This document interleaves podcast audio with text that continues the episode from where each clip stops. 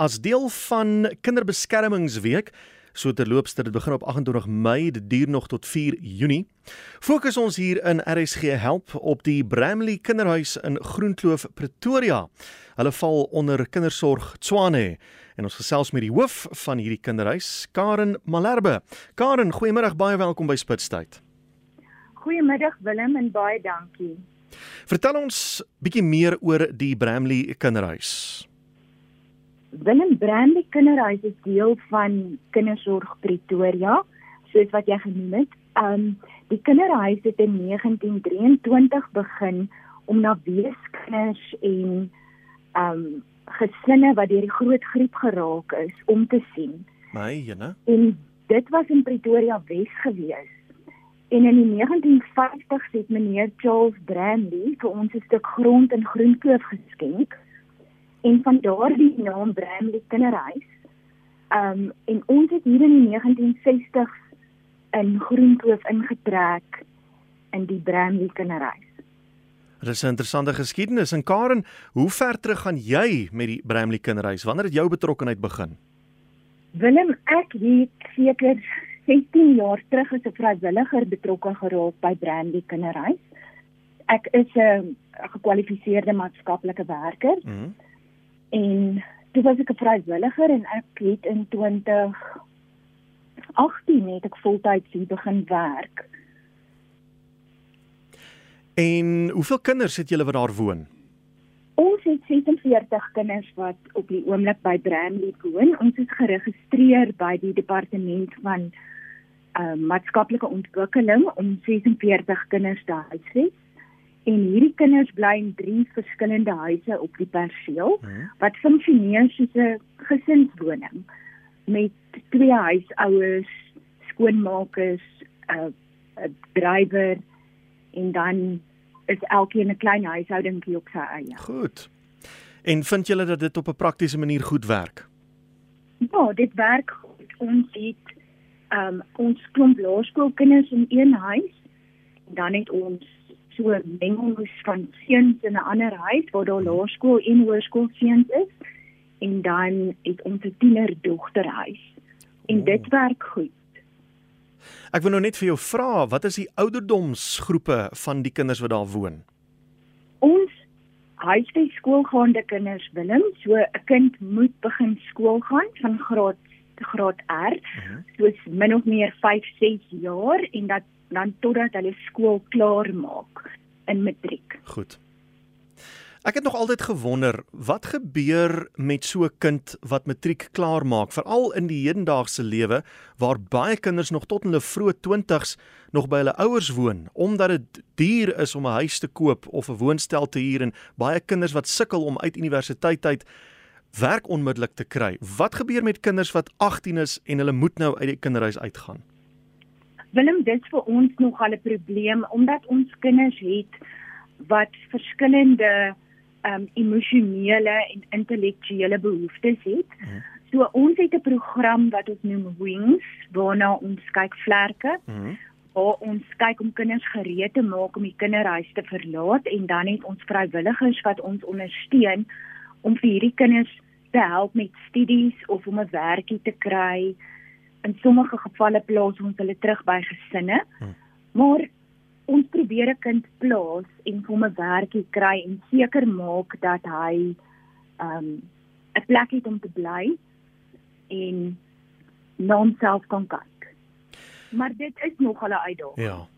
Nou die kinders se sosio-ekonomiese omstandighede is seker nie baie goed nie. Dit is hoekom hulle daar woonagtig is, maar as 'n mens nou kyk na hulle agtergronde, is almal van hulle ouerloos of het hulle ouers en daar's net sekere ouers wat nie vir hulle kan sorg nie. En die meeste van ons kinders het ouers. Ehm um, maar as gevolg van emosionele, fisiese, seksuele geweld en mishandeling, hmm. is die kinders uit hierdie ouers se sorg verwyder en dan deur 'n hofproses in die kinderhuis geplaas. Hmm. Ehm um, en natuurlik probeer ons altyd kyk of ons kinders kan terugplaas in familie of ouers se sorg indien dit moontlik is. Maar dit is ongelukkig nie altyd moontlik. Ja. So ons het kinders wat vir baie lang jare hier by ons bly. Hmm. Hoe suksesvol of onsuksesvol is die proses om hulle te probeer terugplaas in hulle ouerhuise? Dit is 'n moeilike vraag Willem. Ons het suksesstories waar kinders vir 'n tydperk in in Brandy geplaas is en waar daar dan baie hard ons werk is om met die kind te werk. Mhm. En dan is daar 'n maatskaplike werker wat met die ouers werk by 'n organisasie ehm um, buite die kinderhuis en dan werk ons as 'n span saam. En daar is kinders wat al teruggeplaas is en met wie dit baie goed gaan. Ehm um, hulle ouers omstandighede het verbeter. Dit gaan goed met die kinders. Ag ek dink sy sommer aan twee dogtertjies wat hier was. Ehm um, die een skryf volgende jaar matriek. Dit mm -hmm. gaan baie goed met haar. Hulle was so 2 en 'n half jaar in die kinderhuis en hulle is omtrent nou al 2 jaar terug by mamma. Ehm um, so daar is sukses toe. Ja. Ek wil nou net vir jou vra uh wanneer kinders, wel tieners op 18 jarige ouderdom die kinderhuis verlaat, sien jy hulle ooit weer? Kom maak hulle na 2 of 5 of 10 jaar weer 'n draai en sê, "Hallo Tannie, onthou Tannie my."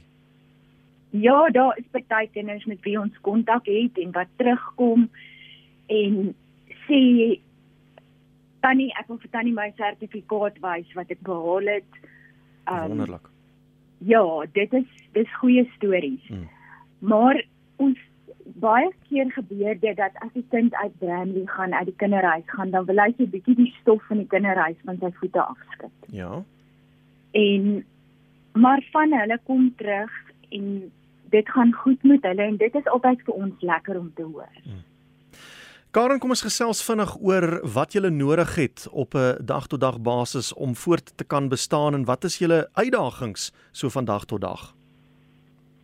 Willem ons uitdagings is om hierdie kinders emosioneel gesond te maak. Omdat hulle uit slegte omstandighede kom waar daar baie trauma was, hmm. is dit vir ons belangrik dat ons kinders terapie kry en dat hulle weer heel word. So ons het geld nodig vir terapeutiese dienste. Dit is 'n groot behoefte vir ons.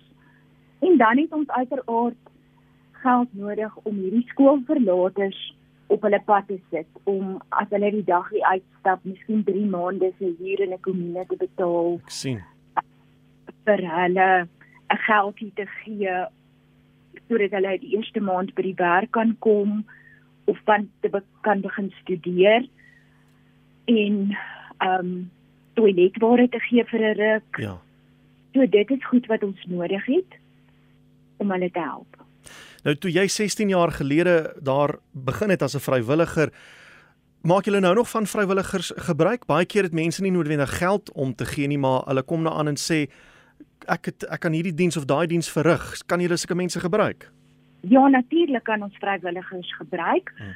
Ons het 'n ehm 'n groot boet groot sis projek waar mense betrokke kan raak by 'n kind of mense kan ons help met ehm um, hulle kennis en hulle wysheid om ons huiswerk vrywilligers ons het mense wat vir die kinders vir die kleiner kinders leer of help met leeswerk hmm. leerwerk en dan is dit altyd belangrik vir die kinders wat nie ouers of gesinne het nie iemand te hê wat vir hulle kom kuier. Goed. 'n Koek te bring vir verjaarsdag.